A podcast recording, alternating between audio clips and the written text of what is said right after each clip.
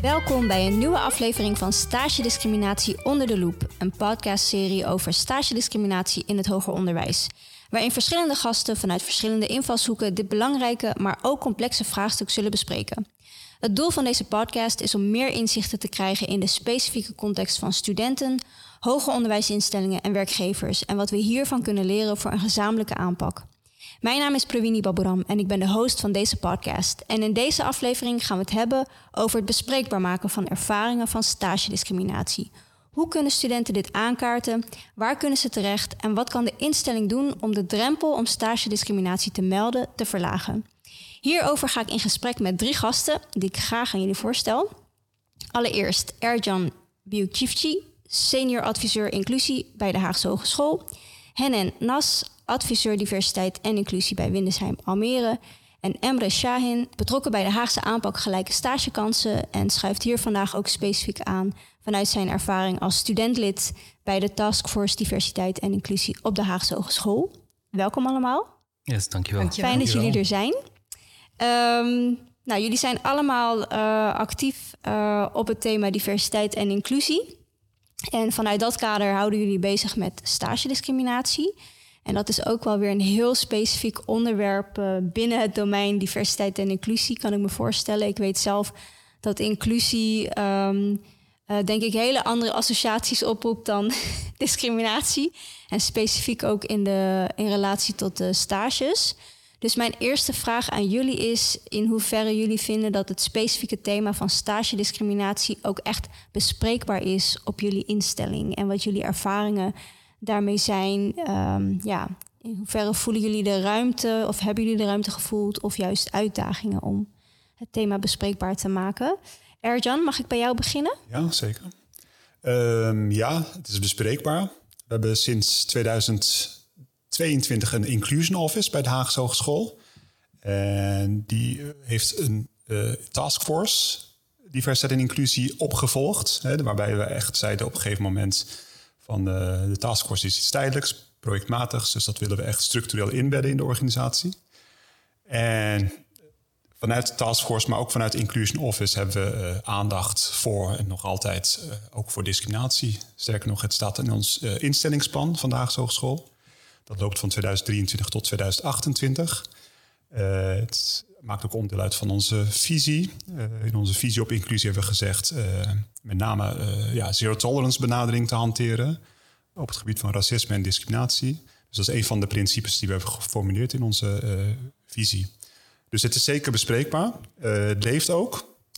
en tegelijkertijd niet overal in de organisatie zoals je dat zou willen. Dus het is daarin ben ik zelf natuurlijk ook uh, gewoon kritisch op in hoeverre het overal leeft binnen de organisatie. Maar we zijn aardig op weg, dat kan ik wel uh, zeggen. Ja, dus het zit hem in ieder geval in de, in de visie ingebed en ook in een infrastructuur, begrijp ik, hè, met een uh, Inclusion Office. als, je, als je zegt het is bespreekbaar, maar niet overal, um, ja, hoe, hoe merk je dat in de praktijk? Um, nou, ik denk discriminatie aan zich, hè, dat is even los van stagediscriminatie, is zo'n onderwerp waar uh, verschillende mensen op enige afstand, ervaringsafstand op uh, staat, kan ik wel zeggen. Dat merk ik steeds meer over dit onderwerp. natuurlijk, iedereen heeft er wel over gelezen of gehoord. Er zijn talloze onderzoeken geweest. Het is in die zin niet een nieuw onderwerp. Stagediscriminatie maakt ook onderdeel uit van natuurlijk arbeidsmarktdiscriminatie. Nou, er zijn stapels rapporten liggen daarvan. Dus het kan bijna niet dat je het hebt gemist. Maar toch is het een onderwerp wat je veel meer raakt en misschien ook wel wat meer betrokkenheid kweekt bij iemand als je het zelf op een bepaalde manier hebt ondervonden. En dus ook echt hebt ervaren. Uh, en ik merk dat uh, binnen onze Haagse Hogeschool dat het nou ja, toch ook weer voor sommigen op een bepaalde manier een, een, een, ja, nieuw onderwerp is. Uh, ja, dus dat, zie, daar maar toch op een goede manier het gesprek uh, over te voeren en te werken aan bewustwording. En weer verduidelijken dat er echt wel onderzoeken zijn die we serieus moeten nemen. En ook als Haags daarin een verantwoordelijkheid in hebben. Ja, dus als ik je goed begrijp, zeg je het thema uh, staat op het netvlies uh, in theoretische zin. Maar als je niet persoonlijk te maken hebt gehad met discriminatie of stage discriminatie specifiek, dan merk je dat het begrip eh, voor het onderwerp eh, al wat, uh, ja, wat minder is. En dat je daar eigenlijk wat meer werk op moet verrichten. Ja, minder zou ik zeggen. Nou, dus ik wil niet zeggen dat het dan niet is, maar het, het, leeft wat minder. Of op een andere manier leeft dan. dus het is iets meer op afstand dan.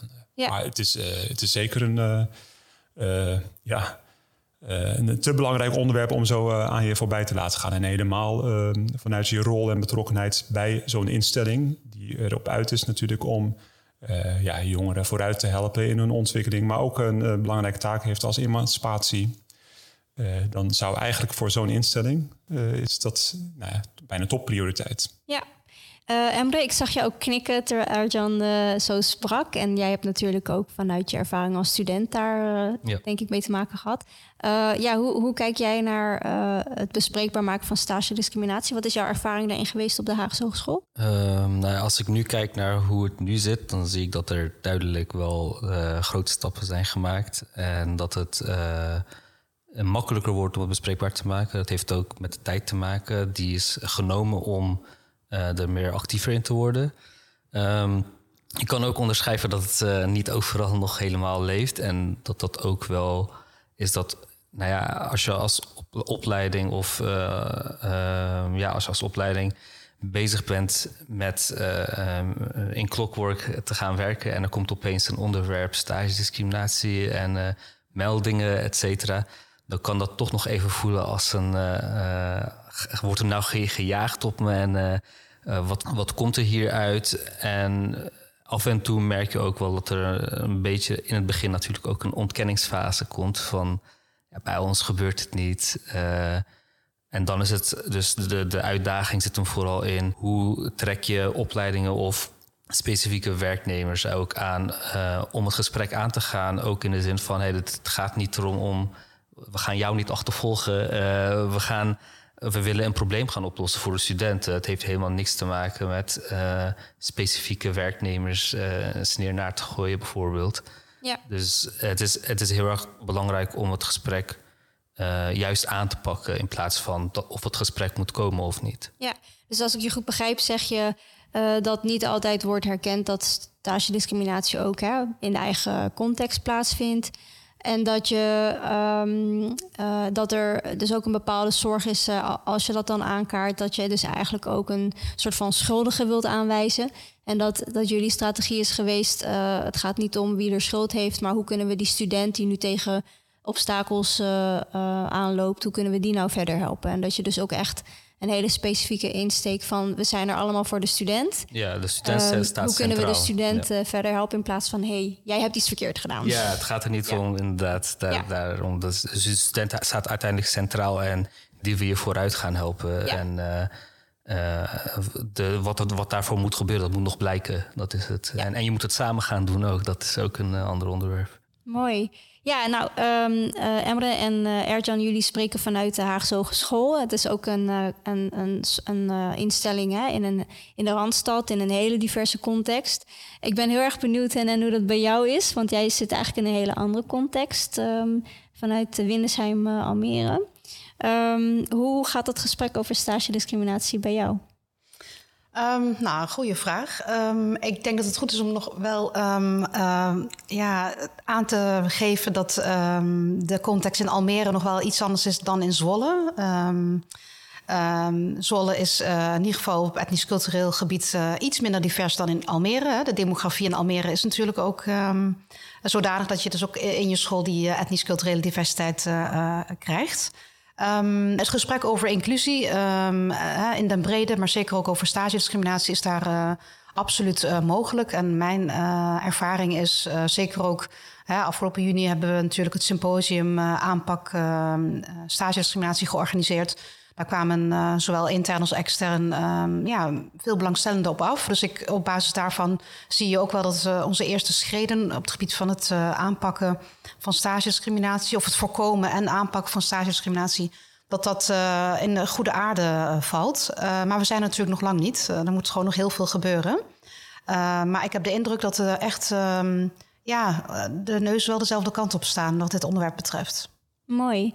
Um, ik ga even toe ook naar concrete interventies, want jullie doen verschillende dingen. Jullie gaan het gesprek aan. En um, zowel op de Haagse Hogeschool als op uh, Windesheim is er ook een meldpunt stage discriminatie ingericht, begrijp ik. En uh, dat is denk ik ook een hele spannende interventie, kan ik me voorstellen. Dus ik ben ook heel erg benieuwd ja, wat voor jullie de aanleiding is geweest om een meldpunt stage discriminatie in te richten. Hoe de reacties hierop zijn geweest en ja, hoe, hoe jullie uh, uh, dat ook hebben uitgerold binnen de instelling. Um, Henen, mag ik bij jou blijven en horen van jou hoe dat voor jullie is gegaan? Ja, we hebben uh, april jongsleden het uh, hulppunt zorgwekkend gedrag ingericht en um, ja, geoperationaliseerd. het is met nadruk een hulppunt, niet een meldpunt. Dat wil ik nog wel even aanstippen. Um, met het hulppunt beogen we dus ook echt een eerste opvang, uh, een stukje hulpverlening te bieden aan uh, studenten en medewerkers, uh, met name ook wel studenten, die te maken krijgen met zorgwekkend gedrag. Het gaat dan overigens niet alleen om studenten die zelf ervaring daarmee hebben, maar ook als je je zorgen maakt om een medestudent of als je als docent je zorgen maakt om een student. Dus dat is ook wel een hele mooie, wat laagdrempelige manier om um, toch wat meer boven tafel te krijgen. Ja, welke ervaringen onze uh, studenten hebben. En zorgwekkend gedrag is ook nog wel redelijk breed. Hè? Dat gaat natuurlijk van um, seksuele intimidatie tot um, microagressie, tot discriminatie op het gebied van huidskleur, op grond van gender, op grond van seksuele voorkeur, et cetera. op grond van beperking. Dus dat zijn wel. we hebben het wel breed ingericht in die zin. Uh, maar als je zou vragen van loopt het al storm bij het loket, dan uh, is het antwoord toch vooralsnog uh, nee. Um, je ziet gewoon wel dat de meldingsbereidheid nog wat laag is. Um, en dat is wel um, een punt waar we echt nog aan moeten werken. om dat toch te zorgen dat de studenten ons weten te vinden. We hebben ook wel posters op de toiletten laten hangen. En dan kun je dus ook een QR-code. In alle privacy kun je dan de QR-code scannen en contact opnemen met het, uh, met het hulppunt. Um, en het wordt ook wel gedaan, um, maar het is nog niet uh, overwhelming, zeg maar. En we, overigens, we houden wel de cijfers bij. Hè? Dus we registreren wel. Dus in die zin zijn we ook een meldpunt. Maar de eerste insteek is echt een hulppunt te zijn. Ja, en um, als je aangeeft hè, zorgwekkend gedrag, weet iedereen dan wat wat daarmee wordt bedoeld. Want ik kan me voorstellen, je, je geeft ook aan, hè, dat is ook best wel breed. Dus in hoeverre uh, herkennen studenten dat je daar dus ook bijvoorbeeld stagediscriminatie kan uh, ja. aankaarten? Ja, dat is ook nog wel iets wat we zouden kunnen verbeteren. Want we hebben hem nu ook wel ingericht uh, vanuit consent, hè, dus toestemming. als het gaat om, om, om contact. en dat zou wel nog wat breder in de communicatie naar boven moeten komen. Dat het natuurlijk ook gaat om, om stagediscriminatie. Overigens wil ik ook nog wel erbij vermelden dat we eerder uh, vorig jaar hebben een onderzoek laten uh, uitvoeren. En daaruit blijkt dat meer dan de helft van onze studenten te maken heeft met stagediscriminatie. Um, en meer dan de helft van onze docenten geeft ook aan eigenlijk niet goed te weten hoe je ja, vermoedens van stagediscriminatie bespreekbaar kunt maken en wat je kan doen. Dus daar zijn we in, ja, op het vlak van beleid ook wel mee bezig om te kijken van hey, hoe kunnen we nou ook, uh, onze maatregelen verankeren en dat ook enigszins uniformeren. We hebben natuurlijk te maken met uh, zes uh, opleidingsgroepen binnen Almere. In Zwolle is de schaal nog veel groter, vijf keer zo groot maar liefst. Dus het is best een uitdaging om dat ook wel enigszins gelijk te trekken. Ja, maar jullie hebben dus wel data, begrijp ik. Dus een hele duidelijke aanleiding om dit soort interventies ja, in te richten. Zeker. Het onderzoek, uh, ja, dat is uh, heel duidelijk. Dus ja. het gaat echt om meer dan de helft. En het gaat trouwens om discriminatie ervaren op basis van afkomst en huidskleur. En okay, eigenlijk dus al veel minder. Ja, heel specifiek inderdaad. Ja. Het kan ook te maken hebben met, met uiteraard de studenten die hebben meegedaan aan het onderzoek. Ja. Het is niet een representatief onderzoek, helaas. Uh, maar goed, het geeft gewoon een indicatie. Ja. Dus, ja. En misschien nog een, een laatste vraag. Um, hoe is er gereageerd op dit hulppunt binnen de instelling? Um, ja, goede vraag. Um, Als je daar iets over kan zeggen hoor. Ik weet niet ja, hoe je zicht op nou, hebt. ik zit ook even goed na te denken en even terug te halen. Uh, de lancering in april. Ja, daar is natuurlijk gewoon aandacht voor geweest. En nu merk je dat het misschien een beetje inzakt. Ik denk dat het goed is om daar gewoon met een hele goede communicatiestrategie nog weer uh, ja, echt aandacht voor te vragen. Zeker nu de kerst eraan komt. Dan wordt uh, relatief meer gedronken. Dan zie je ook weer dat grensoverschrijdend gedrag sneller kan plaatsvinden. Dat zijn natuurlijk wel een soort van risicomomenten. Dus ik denk dat we daarin ja, echt nog wel wat te doen hebben. Ja, ik vind het wel mooi dat je dit benoemt. Want dat merken we ook vaak in ons werk bij Echo. Dat je kan een meldpunt, of een hulppunt, sorry, in ieder geval, um, opzetten. Um, en dan wordt vaak toch verondersteld dat, dat je dan klaar bent. Hè? Want het is er, de infrastructuur is er, je hebt het gelanceerd en hè, dan moeten mensen het maar weten te vinden. Maar ik hoor jou ook wel zeggen van nee, wees ook echt alert op risicomomenten in een jaar. En dat, dat je eigenlijk zichtbaar blijft en dat je zeker weet dat mensen. Uh, dat het op het netvlies staat uh, van mensen. Dus uh, mooi dat je dat ook nog even benadrukt. dan ga ik weer terug naar Erjan en Emre. Um, hoe hebben jullie um, het meldpunt of, hè, ik weet niet hoe het bij jullie heet, ingericht? En wat was voor jullie de aanleiding? Um, ja, we hebben eigenlijk we doen verschillende dingen. Laat ik daarmee beginnen. En uh, meldpunt is eigenlijk een van de interventies. Um, we hebben allereerst een soort onderzoekje uit, uh, uitgezet onder uh, studenten. Het onderzoek is geleid door HRM-studenten van ons om een soort eerste indruk op te doen van hey, hoe is het bij ons gesteld wat betreft stagediscriminatie. Wederom, zoals Hennen ook aangeeft, geen representatief onderzoek. Het is eigenlijk alleen maar een soort indicatie krijgen. En dat onderzoek resulteert toch ook weer in cijfers die uh, zo'n beetje aansluiten op een aantal landelijke onderzoeken. Waarbij het uh, nou ja, zo'n 1 op de 4 tot 1 op de 5 studenten aangeeft te maken te hebben gehad met stagediscriminatie. Het zij bij het zoeken naar een stageplek, het zij op de stageplek zelf. En het gaat natuurlijk om ervaren stagediscriminatie. Dus dat zegt nog niks over of het ook werkelijk gaat om een uh, stagediscriminatiegeval. Um, er zijn ook verschillende interviews afgenomen met uh, studenten. Om ook echt uh, polshoogte te nemen van hey, hoe is het dus gesteld en wat voor soort vormen van stagediscriminatie komt naar voren. zowel bij enquête als bij die interviews komt echt wel naar voren dat studenten die aangeven te maken te hebben gehad met stagediscriminatie, dat het vooral te maken heeft met kleur of uh, islamitische achtergrond. Dus zowel racisme als islamofobie zijn wel de uh, kernpunten. En dat sluit ook weer aan een beetje op de landelijke onderzoeken die we hieromtrent hebben gezien.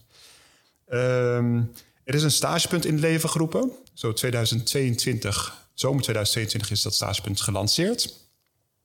Overigens niet vanuit het Inclusion Office, waar ik onderdeel van uitmaak, maar een zeer gewaardeerde collega heeft zich daar echt hard voor gemaakt. En de stagepunt biedt uh, hulp, ondersteuning voor alle studenten die uh, op een bepaalde manier tegen obstakels aanlopen. Dat kan zijn hulp bij het solliciteren, bij het opstellen van een cv of bij het helpen van een netwerk. maar gelijktijdig met het lancering van het stagepunt hebben we gezegd: nou, als we alleen maar die hulp gaan bieden aan de student, dan kunnen we daarmee zomaar de suggestie wekken dat alsof het bij de student ligt. Hè? Alsof het aan de student zelf is om die kansen te grijpen en daarmee dan ook aan de stageplekken te, te komen. Er is ook zoiets als stagediscriminatie, dat is een feit. Uh, dus hebben we gezegd, nou, dan moet er ook zoiets als een meldpunt uh, stagediscriminatie zijn, waar studenten kunnen aankloppen en aangeven dat ze, als ze vermoeden hebben te maken gehad met stagediscriminatie, dan kunnen ze dat, dat melden. Ehm, nou, uit mijn hoofd ik heb het gecheckt met collega. Tientallen studenten hebben daar gebruik van gemaakt, van het stagepunt.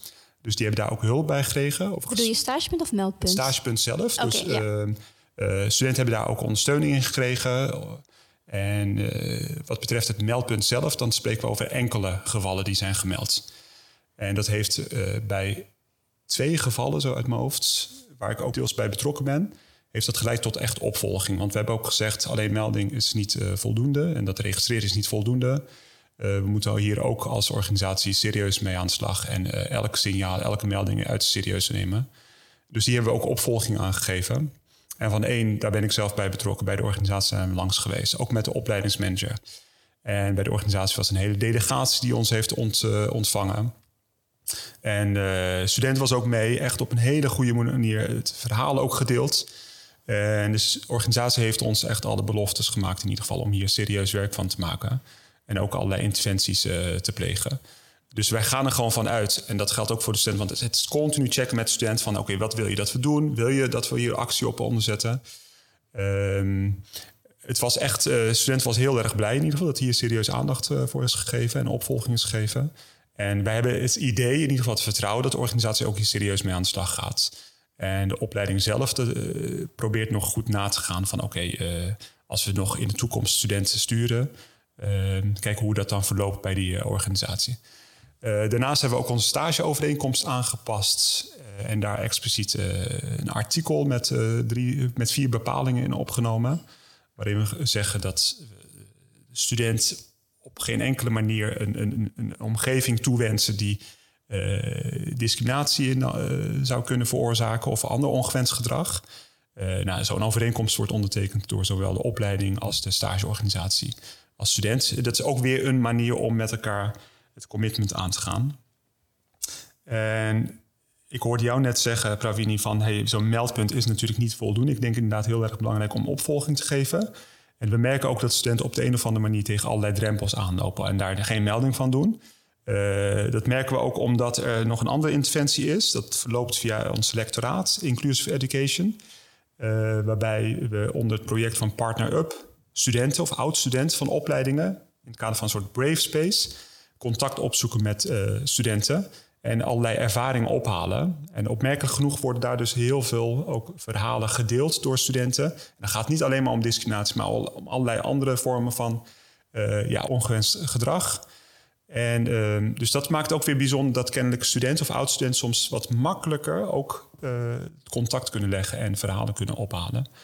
Uh, en dit is voor de opleidingen zelf dan ook weer een belangrijk uh, signaal van wat kunnen die oud-studenten dan wel doen, wat de opleidingen of bijvoorbeeld een meldpunt soms niet altijd lukt. Ja, Wauw, Erjan, je hebt echt uh, een heel mooi plaatje geschetst uh, um, uh, voor mensen ook om het grotere plaatje waar stagediscriminatie onderdeel van uitmaakt te begrijpen. En om hem ook nog even samen te vatten, begrijp ik dat um, het meldpunt een, een van de vele interventies is hè, die de Haagse Hogeschool heeft ontwikkeld, waarbij in eerste instantie uh, stage het vertrekpunt is. Dus niet discriminatie, maar stage. En dan binnen dat kader erken je eigenlijk... hey, als je op zoek gaat naar een stage... dan is er, zijn er studenten die ook echt tegen discriminatie aan kunnen lopen. Daar moeten we dan een, specifiek, um, een specifieke interventie op ontwikkelen. Nou, dat is een meldpunt. En als je dat doet, dan is um, uh, het serieus nemen van de ervaringen...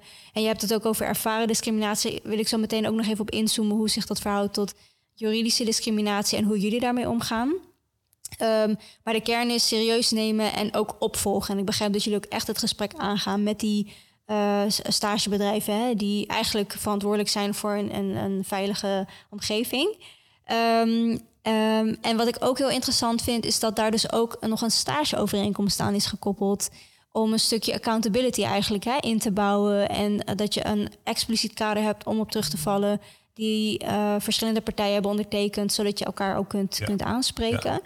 En tot slot um, dat uh, de meldingsbereidheid dus eigenlijk groter is in een, in een ruimte met peers, om maar zo te zeggen, die ja. oud-studenten, die dus eigenlijk veel uh, de drempel kunnen verlagen om die ervaringen waar, waar studenten tegenaan lopen ook echt op tafel te leggen. Ja, ja. Dat is denk ik ook een hele interessante dimensie, want we hebben het binnen stage discriminatie vaak over de driehoek studenten, uh, werkgevers en de instelling. Maar eigenlijk zijn die oud-studenten dan nog een, een, extra stakeholder die we echt op het netvlies moeten hebben om uh, met name het bespreekbaar maken van stagediscriminatie, uh, om, de, om de ruimte daarvoor te creëren. Ja, super mooi. Daar wil ik wel graag op aanhaken, ja, Pravini, want dat is een, een, een, cruciaal punt. Ik sprak gisteren een student en die had het eigenlijk exact over wat jij nu zegt, Ertjan.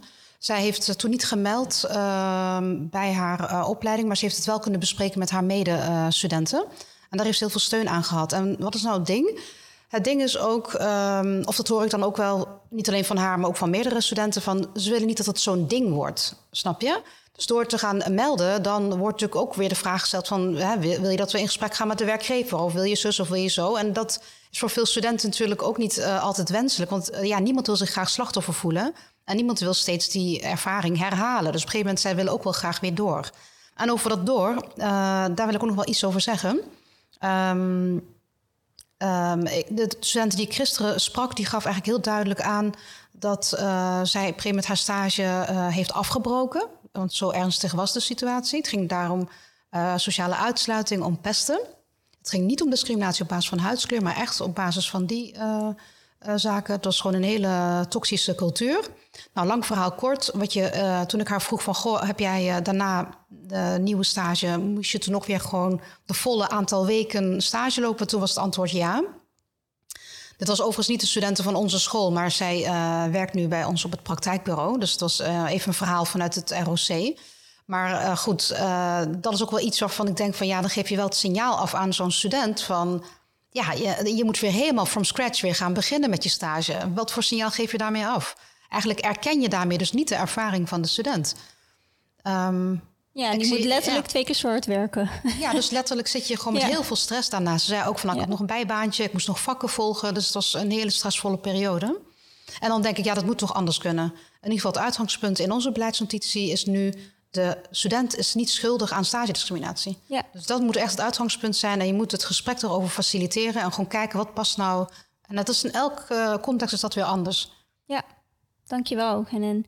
Uh, ik wil even naar jou, uh, Emre. Ik ben ook wel heel erg benieuwd ja, welke signalen jij ook als studentlid bij de taskforce hebt opgevangen als het gaat om die meldingsbereidheid. Hè. Ik hoor net bijvoorbeeld van Hennen dat, het, dat je er ook geen ding van wilt maken. Ik ben ook wel benieuwd, wat zijn de signalen die jij hebt opgevangen als het gaat om melden?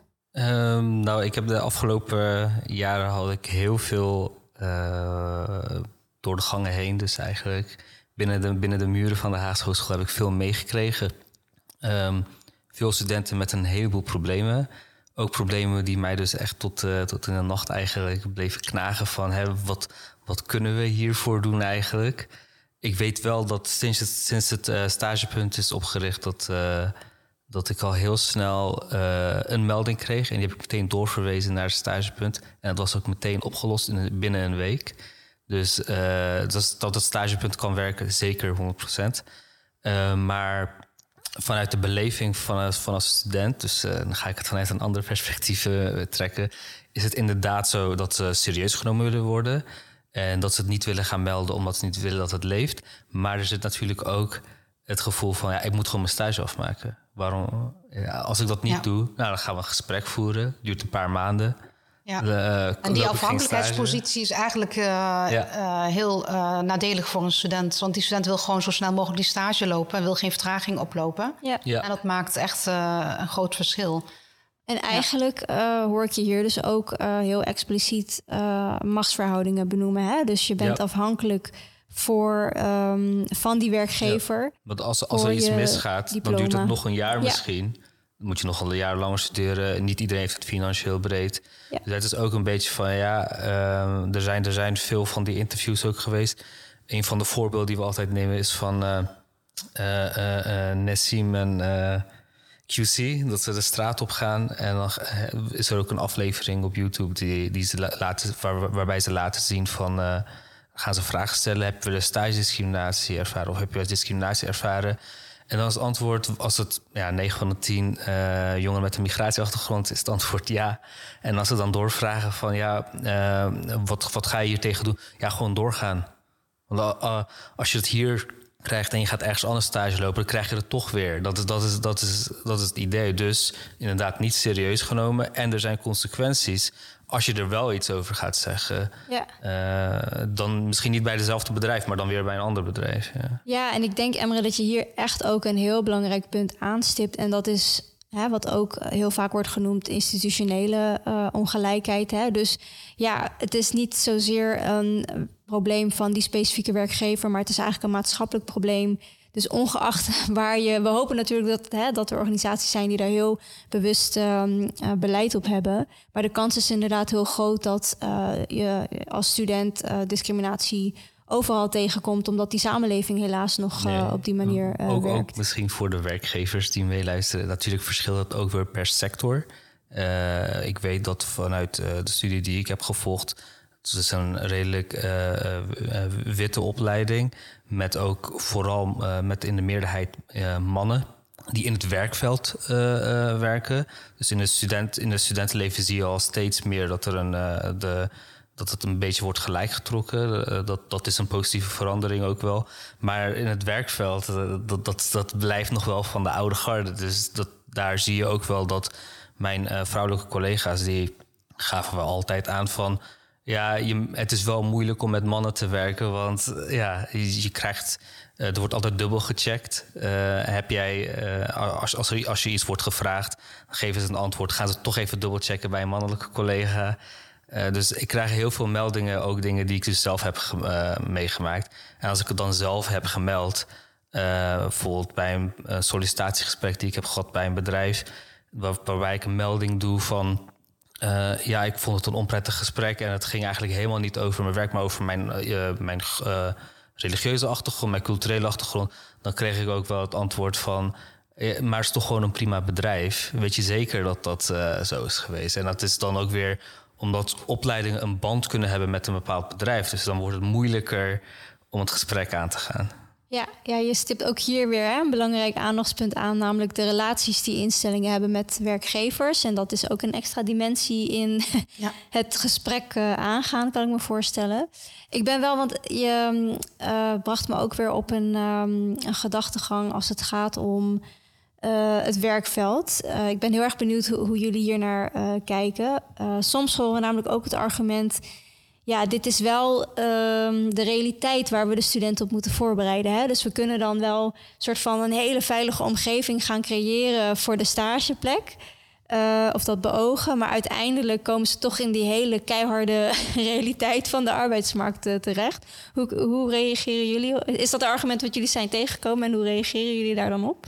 Nou, weet je, het lastige aan stagediscriminatie is dat het natuurlijk echt een uh, gradatie, dat het gradaties heeft. Hè? Je hebt van onderhuids uh, uh, opmerkingen of, of spanningen die er leven op zo'n werkplek. En zo'n student die zich helemaal niet opgenomen voelt binnen een team. Maar het kan ook echt van expliciet. We hadden laatst een student bijvoorbeeld die in het ziekenhuis stage ging lopen, studenten verpleegkunde. En er werd op de eerste dag gezegd: je doet je hoofddoek toch wel af.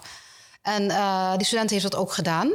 Uh, maar goed, uh, ergens denk je ook van... hé, hey, uh, hoe zit het eigenlijk met de sociale weerbaarheid van onze studenten? Want het kan ook heel mooi zijn als een student kan aangeven van... hé, hey, waarom wordt dat van mij gevraagd? Um, hè, dat je daar gewoon het gesprek over kan aangaan. En ik merk dat onze studenten dat soms ook erg lastig vinden. En dat is ook heel begrijpelijk, want het is voor volwassenen al lastig...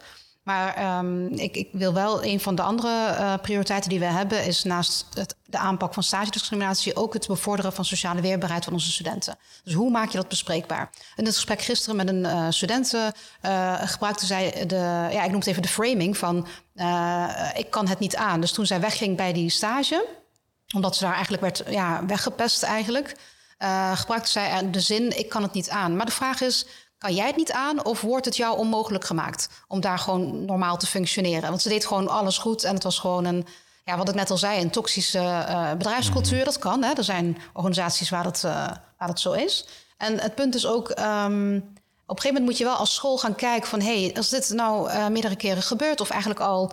Ja, als het echt grensoverschrijdend is, dan moet je gewoon zeggen van... dit is een organisatie waar wij onze studenten niet meer naartoe sturen. Ja. Dan houdt het gewoon op. En daarin moet je gewoon, vind ik, uh, ja, dan moet je natuurlijk wel criteria hebben waar je, waaraan je dat dan uh, meet. Maar het lijkt me wel erg goed om onze studenten wat dat betreft wel te behoeden. Ja, en daar dus ook wat kritischer te zijn naar de stageplekken. Ja, ik denk die, het wel. Uh, ja, ja die worden um, gelinkt aan de studenten. Erjan, wil je ook nog reageren? Ja, nee, zeker. Nee, je werkveld is een hele belangrijke speler. Ehm, we zijn als Haagse Hogeschool ook betrokken bij wat heet Haagse aanpak, gelijke stagekansen. Uh, met meerdere instellingen in deze, in die deze regio, moet ik zeggen. Uh, denken na over allerlei oplossingen rondom stagediscriminatie. Uh, en we inspireren elkaar ook. Dus een aantal zaken die we bij de Haags bijvoorbeeld doen... Uh, heeft er in Holland dan weer wat aan of RSC Mondriaan en andersom. we hebben ook een manifest opgesteld rondom stagediscriminatie, een Haags manifest. En het werkveld is, wordt vaak uitgenodigd. Dus is ook soms aanwezig bij allerlei bijeenkomsten die worden georganiseerd. Dus die worden al uh, in allerlei initiatieven die we aan het optuigen zijn, worden ze meegenomen. Uh, en belangrijk ook is dat we als instelling zelf niet te snel moeten kijken naar het werkveld. In de zin van uh, discriminatievoorval heeft zich daar plaatsgevonden. Want dan schuiven we iets te veel uh, onze eigen verantwoordelijkheid van ons af. Dus te alle tijden moeten we volgens mij in ieder geval als hoger onderwijsinstelling naar onszelf kijken van oké, wat doen wij eraan? En en hen zegt zo mooi, hè, hebben we onze studenten ook enigszins weerbaar gemaakt van dat sommige dingen gewoon niet kunnen. Dat het ook niet normaal is. Uh, en vooral hoe je dat bespreekbaar maakt. En hoe je dat bespreekbaar maakt. Geef je daar taal aan? Dat, ja. dat, vinden veel mensen nog wel lastig. Ja, en kijk, sommige opleidingen zijn net al, uh, lopen daarin al redelijk voor, zou je kunnen zeggen. Ik heb gisteren bijvoorbeeld een, uh, Nou, was een mooie kick-off van de tweedejaarsstage... Van, waar alle studenten op afkwamen. Maar ook de stageorganisaties. Ik mocht daar wat vertellen over op het gebied van stages. Dus het aantal onderzoeken ook aangehaald. En ook gewoon benoemd dat dit een serieus issue is. dus dat is al een manier voor zo'n opleiding om zowel de student daarin mee te nemen. Ik heb ook een aantal casussen bijvoorbeeld gedeeld. Hè, dus dan word je ook echt uh, scherp op van oké, wanneer is iets, in dit geval gaat het om casus wat bij het College voor de Rechten van de Mens is neergelegd. het gaat ook gewoon om wetgeving. Hè. Sommige dingen mogen gewoon niet, punt. Dan kunnen we daar niet echt discussie over voeren of het wel of niet kan. Uh, dat helpt wel, denk ik, om echt uh, mensen gewoon scherp te krijgen. En ook studenten op een gegeven moment laten inzien dat sommige opmerkingen gewoon niets kunnen. Ja. En um, ik, hoor, ik hoor eigenlijk ook een stukje bewustwording. Hè? Want, uh, en jij noemt het uh, sociaal weerbaar maken. Maar um, uh, als je het hebt over taal geven hè, aan ervaringen die je hebt. En eigenlijk ook begrijpen dat sommige dingen gewoon echt niet geaccepteerd zouden moeten worden. Ook niet door jou, hè, als met alle machtsverhoudingen die erbij komen kijken.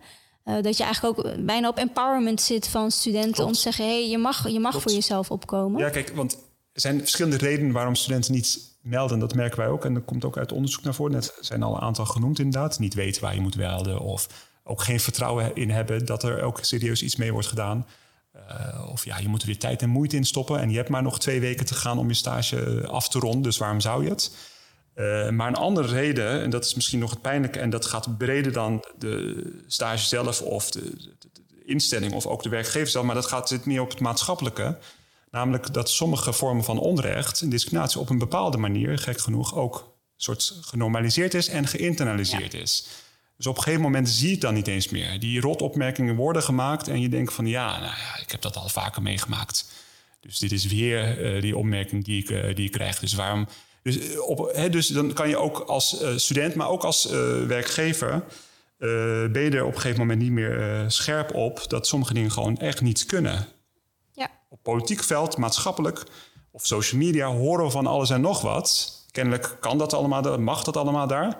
Maar een uh, organisatie heeft zich gewoon echt te houden aan ook simpelweg wet. Dat je ervoor zorgt dat er een discriminatievrije uh, omgeving ja. is. Nou, je noemt nu wet. Hè? En dat is eigenlijk ook mijn laatste vraag, want dan moeten we echt uh, gaan afronden. Maar um, een van de grootste uitdagingen volgens mij ook in um, nou ja, opvolging hè, voor, uh, bij meldingen is dat dilemma tussen wat is nou ervaren discriminatie en wat is daadwerkelijk volgens de wet hè, juridisch discriminatie. Ook omdat volgens mij, in van onze ervaring, discriminatie ook niet altijd expliciet is. Hè. Ik bedoel, en je had het over gradaties. Dus de, de extreme gevallen kan je, kan je benoemen en pinpointen. Maar er zijn genoeg uh, onderhuidse voorbeelden die voor studenten, hè, wat jij ook zegt, Erjan, herkenbaar zijn. Omdat je het al zo vaak hebt gehoord. En je weet dus dat het discriminatie is. Maar voor anderen misschien gewoon niet als zodanig worden herkend, omdat het zo genormaliseerd is. Hoe gaan jullie om met dat vraagstuk? Of dat spanningsveld wellicht uh, ervaren discriminatie en juridische discriminatie. En wat betekent dat dan ook voor de opvolging hè, als iemand melding maakt? Kunnen jullie daar misschien iets nou, over embren? Er is, ja. er is wel één ding en dat is... Er wordt, uh, dat heeft natuurlijk ook weer te maken met de weerbaarheid. Uh, en ik vind het eigenlijk vaak een opmerkelijke opmerking eigenlijk... van dat studenten wat meer weerbaar moeten worden... of terwijl terugkomend op, op, op wat nu met de juridisch... is het ook vaak is het juist dat ze dit al vaker krijgen. Dus ik denk dat het probleem zit niet bij het weerbaar maken van een student, maar dit krijgen ze al zo vaak. Um, misschien moet je het juist gaan bekijken vanuit een ander perspectief. Misschien moeten zij meer weer weerbaar worden om minder allergie te hebben tegenover bepaalde studenten. Dat, ik denk dat dat het vooral is. Maar uh, um, ja, terugkomend op je vraag ook. En of het nou juridisch is of, of een beleving, dat zou in principe, ik zie niet hoe dat er überhaupt een rol zou moeten spelen ja, in deze omdat de impact hetzelfde is. Ja, het impact is hetzelfde. Ja. En het is zowel voor het bedrijf als voor de student. Ja. Ik denk niet dat studenten in welk geval dan ook weerbaarder moeten uh, worden gemaakt. Maar wat Erjan dan net ook zei, met misschien met bepaalde sessies, misschien bewustwording van dit zijn mogelijke dingen die kunnen spelen. eh, voor mogelijke uh, bepaalde studenten misschien. Dat is een bewustwording, maar weerbaar maken, daar, daar zijn we eigenlijk al ver overheen in dit geval. Nou, ik vind het heel mooi dat je uh, ons toch even scherp houdt, uh, scherp houdt daarop. Want eigenlijk, uh, als ik je goed begrijp, zeg je... studenten zijn al lang weerbaar, want anders hadden ze er al lang iets van gezegd. Hè? Want het, het, ze, ze, kunnen het eigenlijk incasseren, ja. hoor ik je als zeggen. Je, als jij iets hoort wat je nog nooit ja. eerder hebt gehoord... dan ben je denk ik sneller de, ja. bereid en, om iets te zeggen. En eigenlijk zeg je dat de, degenen die, die discrimineren eigenlijk... Uh, veel meer open zouden moeten staan om daar kritisch op te reflecteren en te kijken wat doe ik nou eigenlijk en dat daar ja. het stukje weerbaarheid Ja, en ik denk dat, uh, dat juridische ja. daar eigenlijk helemaal geen rol bij hoeft te Nee, precies. Het gaat vooral om ja, hoe beleeft een student iets en maar dat je daarbij wil ik toch wel even op reageren, want um, dat gaan nu twee dingen voor mij een beetje door elkaar lopen. Mm -hmm. um, uiteindelijk, om te kunnen reflecteren... Kijk, de, heel veel discriminatie vindt onbewust plaats. Hè? Mm -hmm. Er zijn onbewuste uh, opmerkingen of grapjes die gemaakt worden... Um, uiteindelijk is het wel een kwestie van ook sociale weerbaarheid. Uh, mm. uh, het moment dat jij als student uh, je kunt verhouden tot de situatie en ook jouw je zaak goed kan ja, bepleiten. Ik, dat is even een beetje juridisch, zo bedoel ik het helemaal niet. Maar ik bedoel meer van dat je goed naar voren kan brengen waar jij aanstoot aan neemt en wat jou stoort. Dat is super belangrijk. Op het moment dat je het niet kan, en ik zie gewoon dat heel veel studenten daar toch moeite mee hebben, hebben Mm-hmm. ervaren allerlei drempels. Als je dat niet kan, dan, blij, dan ga je dat op een gegeven moment toch internaliseren. En we weten gewoon dat ervaringen van discriminatie, ook ervaringen van microagressie, die kunnen leiden tot neerslachtigheid, tot gevoelens van depressie, van angst en noem maar op. Dus dat is gewoon een heel directe link tussen het ervaren van discriminatie en, en mentale problemen. Uh, dus natuurlijk, weerbaarheid uh, is voor alle partijen belangrijk. Uh, maar in dit geval voor jongeren die zijn opgegroeid in een tijd waarin het leven maakbaar lijkt, is het ontzettend belangrijk om te weten van hé, hey, dit uh, is inderdaad niet maakbaar. Ik heb het niet zelf in de hand, maar wat kan ik uh, zelf doen? Hoe kan ik dit uh, naar voren brengen? Hoe kan ik het bespreekbaar maken? Want op het moment dat ze dat niet doen... Kijk, morgen komt er weer een nieuwe student op die stageplaats... en die ervaart weer exact hetzelfde. Dus dan verandert er nooit iets. Dus we zullen daar wel het gesprek over aan moeten gaan. En um, dan is het goed als je als student ook tools in handen hebt... van hoe je dat dan kan doen. Ja, nee, ja, dus volgens als mij... de student wel gedeeltelijk een... Um, dus niet alleen de bewustwording, wat, wat ik als ik goed begrijp, maar ook gedeeltelijk de student meegeven. Um, als het plaatsvindt, dan kan je hierover iets over zeggen. Ja, daar kun je ja, inderdaad een, daar kun je ter jullie... plekke iets van zeggen. Of je kunt een moment kiezen om daarop terug te komen, om dan er iets van te zeggen. Er zijn heel veel mogelijkheden. Um, je kunt terugschakelen met de school. Sowieso moet ook het gesprek erover gefaciliteerd worden, ook op die terugkomdagen. En op die stagevoorbereidende vakken, zoals ethiek. Daar moet het gewoon, dit thema van stage discriminatie moet daar gewoon een. Ja, ja, ja, moet ja. daar gewoon toch even inbreken. Ja. Volgens mij kunnen jullie heel lang met elkaar uh, ja. doorpraten. Maar ik denk dat het goed is om te benoemen dat uh, ook onder studenten hè, diversiteit en belevingen is. Dus ik denk dat wat zowel hen als uh, Emre zegt uh, voor studenten geldt. Je hebt studenten die dat makkelijk kunnen incasseren en het niet bespreekbaar willen maken. Um, en andere studenten die dat uh, misschien wel zouden willen, maar niet per se durven en dat daar ook uh, oog voor moet zijn. Dus uh, ik denk dat het belangrijk is om die twee benaderingen ook naast elkaar um, te houden en dat er niet één universele oplossing is hoe we met studenten kunnen, um, het, het gesprek aan kunnen gaan. Ik wil nog wel even bij jou terugkomen, Erjan, als het gaat om ja, ervaren en juridische discriminatie. Ik hoor Emre zeggen, eigenlijk zou dat er dat onderscheid niet gemaakt, uh, niet ertoe moeten doen. Want als een student aangeeft, ik ervaar dit, hè, dan moet je daar iets mee. Hoe, hoe, hoe kijk jij daarnaar? Nee, je moet uiterst serieus nemen. Dat is mijn overtuiging. Uh, kijk, als je geen melding ontvangt, geen signalen ontvangt als opleiding, dan moet je niet, zeker niet juichen. Sterker nog, dan heb je echt een probleem.